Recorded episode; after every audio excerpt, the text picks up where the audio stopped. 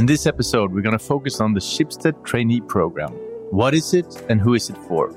Karsten Gutterud Håklin just finished his two year program where he had placements at VG, Tori, Dine Penger, and E24. What was his most important learnings? And how did he get into the program in the first place?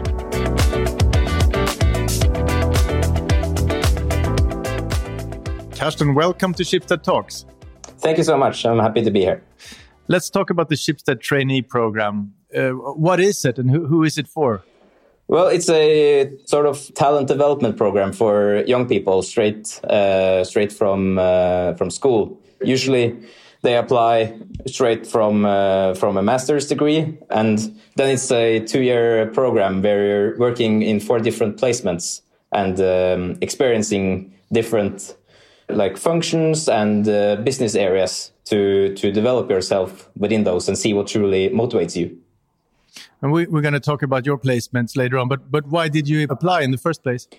Well, uh, I think it was a perfect combination of both Schibsted's uh, mission uh, with mm -hmm. rethinking things, being disrupting, and uh, also empowering people, which I think is is really motivating for me and also yeah. this uh, this combination of uh, creativity and business. Usually, we're sort of playful while at the still time developing new functions and uh, services. Mm. And then, uh, lastly, of course, uh, I'm into these sort of cool tech products, which is my passion. So, yeah. actually, I had a previous experience with Schibsted. I worked uh, two summers as a journalist in oh. E24 uh, where I'm also yeah. currently working. So, say I, I, got my introduction to Schibsted uh, in that sense, and uh, felt like this was something I really wanted to do. Schibsted said they look for motivated, solution-oriented, adaptable people with a genuine interest in, in media. Do you tick all these boxes? Well, uh, certainly motivated and interested in media. And uh, of course, you try to develop as much as you can within these areas of adaptability and uh, solution orientation. And this is something um, you work on a lot during your program. So uh, the program consists of four different placements, right? Yeah. Talk us through your four different placements. What did you do during your two years? Yeah, well, I I was lucky in my first placement. Sort of, I was able to draw a bit of my journalism experience. Uh, I worked in uh, VG Plus, and my task there was to develop a new what we call editorial pillar or like a subject to mm. to write more about and it was a very cool approach because I, I was able to mix uh, journalism with analysis and, and sort of this business uh, mindset so I went through a lot of data trying to see which subjects engaged and which uh, subjects was able to sell subscriptions. Yeah. And then I wrote my own articles on these subjects uh, as market tests, trying to see what could work and not. And did you find one new pillar for VG in the end? yeah, you probably noticed uh, there's a lot of personal finance stuff there, yeah. which is my baby and uh, what I've been fighting for since I started there. So yeah, uh, I'm really proud to see that uh, that a lot now as well. And, and the next placement was? Uh, it was in Tori in Helsinki. Yeah, what was that like uh, living in Helsinki? well, actually, I only stayed in Helsinki for four days. Oh, it was during the, the pandemic, of yeah. course. So I got there the 8th of March.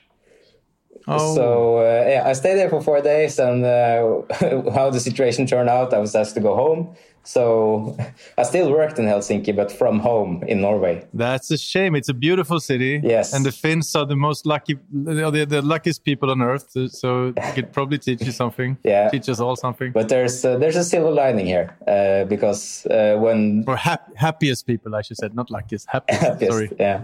Uh, there's a silver lining here uh, because I. when the sort of travel restrictions started to open up a bit in June, I was able to go mm-hmm. back and stay there for three months. Yeah. So although it wasn't six months, it was at least three months. And uh, yeah. I agree with you. Helsinki is a beautiful city, and I didn't uh, associate it with, with summer at first. But having spent the summer there, um, yeah. I really like it, and uh, I'm going back as soon as I can.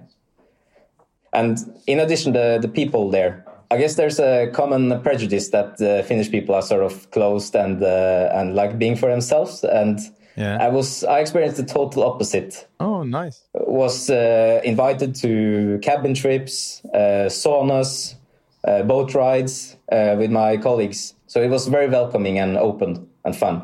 Nice. That's nice. Yeah. So anyway, what I did there, I was uh, investigating new strategic opportunities and, and evaluating those we had already started. So we had this project called Tori Astronaut, which is Yeah. Casa, basically in Finland.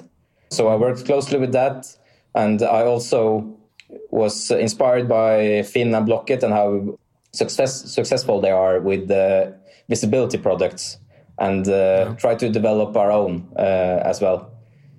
So it was a mix of uh, doing analysis and also leading projects, starting new initiatives, which was uh, So- really interesting. That's great because that's one of my questions. Of course, I mean during this this these different placements, you you did get really important tasks all the time, not like you make coffee runs. No, not at all. um, of course, your responsibilities and tasks they increase uh, during the program as you sort of grow and develop and become comfortable with these uh, responsibilities and tasks. And also, you want to develop yourself, so so you want to try bigger things all the time. Uh, Yeah. But still, uh, there's a real um, impact and uh, also gratitude for what you're doing uh, as a trainee. And um, the, I think there's a reason it has the sort of status it has today. I have a question then. You you do get a mentor within the trainee program, right? Or do you get four mentor? Or is it one mentor? You get one mentor, which is assigned to you personally based on your sort of profile and uh, and what you're interested in.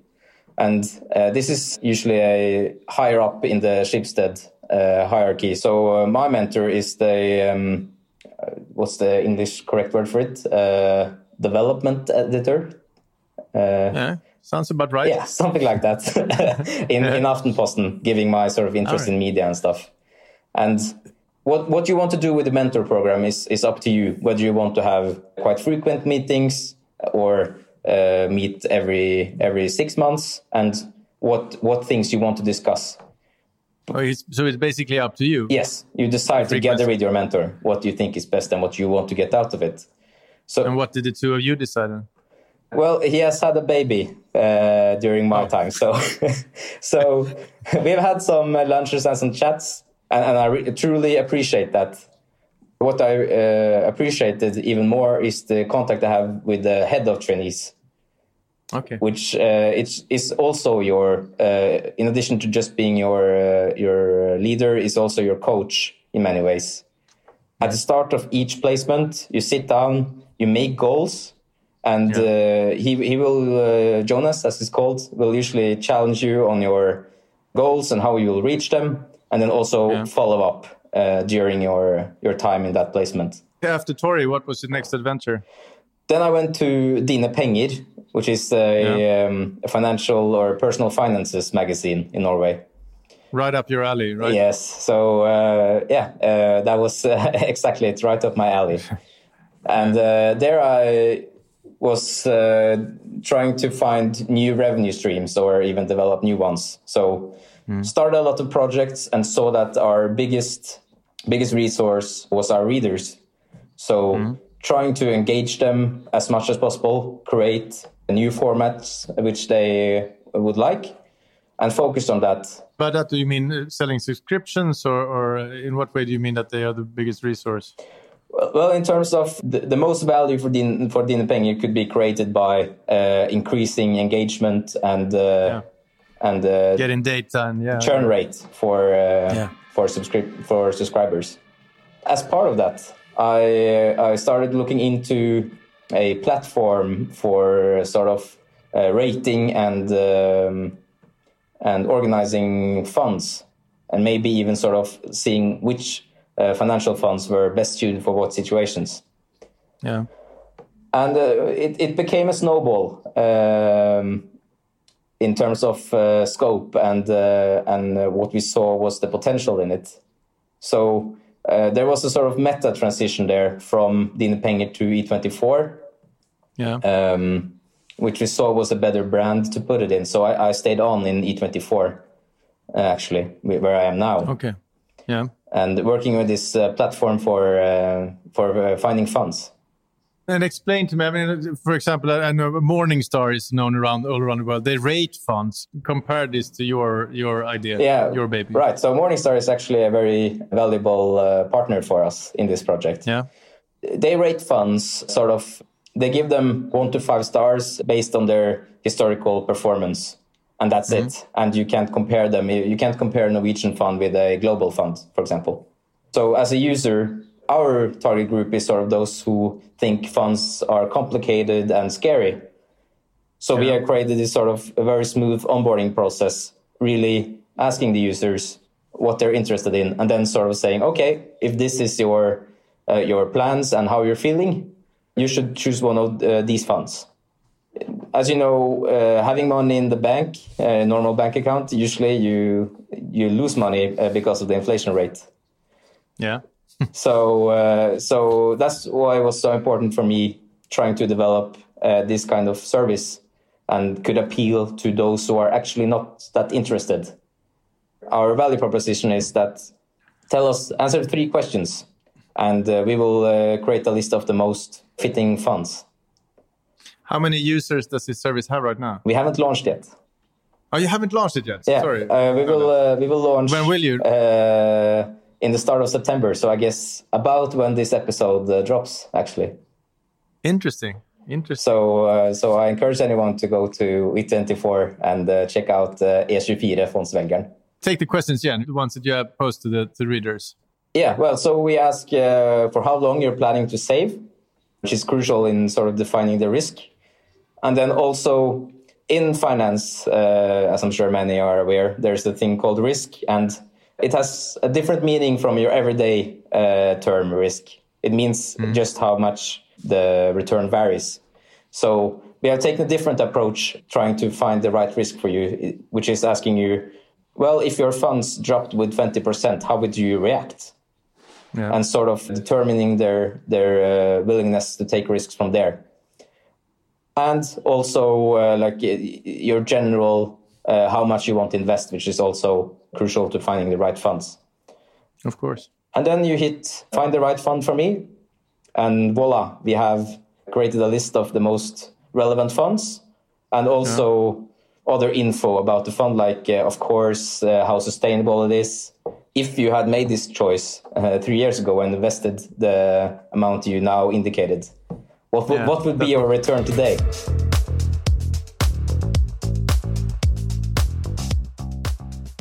From my point of view, it sounds like an, an excellent idea. And would this uh, idea have come to come alive without Schibsted trainee program? Well, that's an interesting question. I know there's been a lot of uh, interest in it from before and also commercially from our partners in sort of not only generate leads and customers on the loan side, but also on the saving side. But this is quite typical trainee projects, although it's a bit bigger in scope, given that there's one product or one thing that um, the placement want to investigate and try to develop so I would say there's a 50-50 chance actually because you need a uh, resource solely uh, focusing on this to be able to create such a big project. Uh, apart from this, what, what was the most important learnings you did from from uh, the trainee program? Well, starting off, I uh, acknowledge that I have this uh, tendency to work with stuff on my own and then presenting a complete solution, getting feedback, and then reworking it and learning to include people at an early stage in whatever you're doing uh, makes yeah. it easier. You, you, get to the final product much faster and it definitely gets better as well. So you became a better team player. Yes, exactly. Which is a huge part of the program as well, developing yourself as a, not only leader, but, uh, but a team player. I mean, sort of uh, going on the same subject, I, I sort of discovered for myself that this was also about allowing yourself to be vulnerable, show what you can't master. Because if you're uh, putting up a facade, in the end, it won't go well. So yeah, then you won't learn anything. Right, exactly. So this program is meant for you to try stuff, and you will fail at some point. Yeah. But that's okay because the program is meant for it. That's the only way you learn. So have you have you got any advice for those who consider applying to the trainee program? Well, it's a unique opportunity to grow in uh, many areas and especially so quickly while still having, like I talked about, these impactful uh, tasks. So yeah. if you're interested in uh, learning new stuff, uh, developing yourself, and uh, working with, with quite large tasks, I think this is the program for you. And also, you don't need to be a media industry expert or have any prior experience like I did with journalism. That doesn't matter. What matters is your motivation and being a, a team player. So um, don't be afraid to apply, even though you don't have that much experience with the media industry. That's not really the point of it. Uh, were there any other benefits to the program? Yes. So by working in different placements in Schibsted, I think you get a true sort of 360 degree view of Schibsted, both, both operationally and more importantly, strategically thinking as one, one company. But also, uh, I'd like to point out that there's usually five to seven trainees hired every year. And we have both social gatherings and uh, six uh, training weeks where we learn new stuff. Uh, and try to develop ourselves. So you get this uh, sense of belonging and a network of people, both socially and also being able to help one another if there's if there's a problem uh, or something you didn't master at the job operationally or even if there's uh, if you're going through a tough experience uh, which you usually are at some point because you're thrown out there trying different tasks you can get support from one another which is a really nice experience. And I think I will cherish those uh, relationships uh, throughout my life. That's good. And and how many does apply, and how many get in? Are you aware? Do you know about the numbers there? Yeah, I don't know the exact numbers, but there's a couple of hundred appliers. And oh my uh, god, so you're you're a Navy SEALs, the one that get in. well, uh, I don't know about that. At least it was a good fit. Uh, I think is yeah. important and what many interviews or how, how, does it work it's a very interesting recruitment process um, it, and it, it, has changed a bit since i applied but i think the one we've got now is even better which is that there's no applications or cvs there's just a sort of uh, very uh, rudimentary screening in the beginning and then there's a uh, then there's a skill test sort sort of iq ish which mm -hmm. is squares and circles. yeah, fit the patterns here and there, which is the next yeah, one. But also very sort of doesn't narrow it down that much. But what is really interesting is when you get to the assessment center, which from my experience in other companies has been like uh, solving cases and doing problem solving, which it, there's a element of that as well in Schibsted. The big difference is we are using a VR escape room as the uh, assessment. That's interesting. So the candidates uh, are uh, put into groups, yeah. and then on their monitors they are having a sort of virtual escape room mm. game. Then there's uh, observers noting. So my na my Navy SEAL uh, idea wasn't that off. escape rooms. well, I think it really really shows what role you take in a team, and yeah. it also doesn't. So it's about showing you're good at teamwork within the escape room, I guess. Yeah, and uh, and how, yeah, teamwork and what role you typically take, and how you're able to fulfill the needs of the team. Yeah, um, communication is key, of course. So pro probably your your performance in the escape room is what got you through in the end. Yeah, and then there then there's a last interview as well.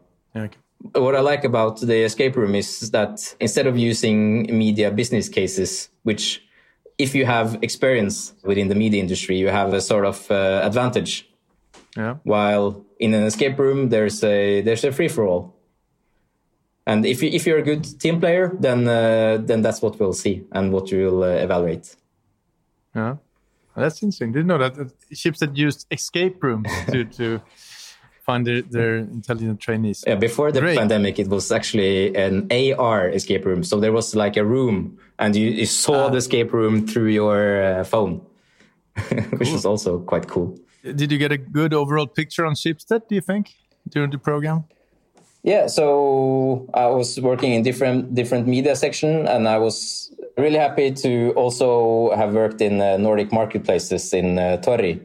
And like Yeah. I talked about, this was a new experience for me, which uh, in the beginning I didn't. I I felt that I didn't master really well. I was used to just coming there, applying my prior knowledge, and being able to produce something, which is also really really important. At least in the beginning, you're not there to perform straight away. You're there to learn, adapt, and uh, and try new things. So yeah, I was really happy having that experience. And what I lack is uh, working somewhere in Next, which I uh, would really like to try. Yeah, Because that was my next question. I mean, now you're in E24, uh, and now you get a pretty good scope on Schibsted. Wh- Which company would you like to work in uh, in the future? So my trainee program is is over now uh, in September. So I will stay on in E24 because this funds project engaged me so much. What I've learned is that I like to be quite operative, hands on, and also a bit strategic, and and working with people and and creating stuff. So. If there will be any further opportunities in uh, Next, in a sort of a smaller startup environment, I would really like to try that but I'm uh, I'm super super happy uh, where I am right now. Uh, Karsten, thank you so much for coming to Schibsted Talks. It was a pleasure. I really like talking about it. So if anyone else has any more questions, they can uh, reach out to me, and I'll uh, uh, we can have a coffee chat. This podcast was brought to you by Schibsted Employee Branding Team. My name is Hugo Renberg, and producer was Jens Back.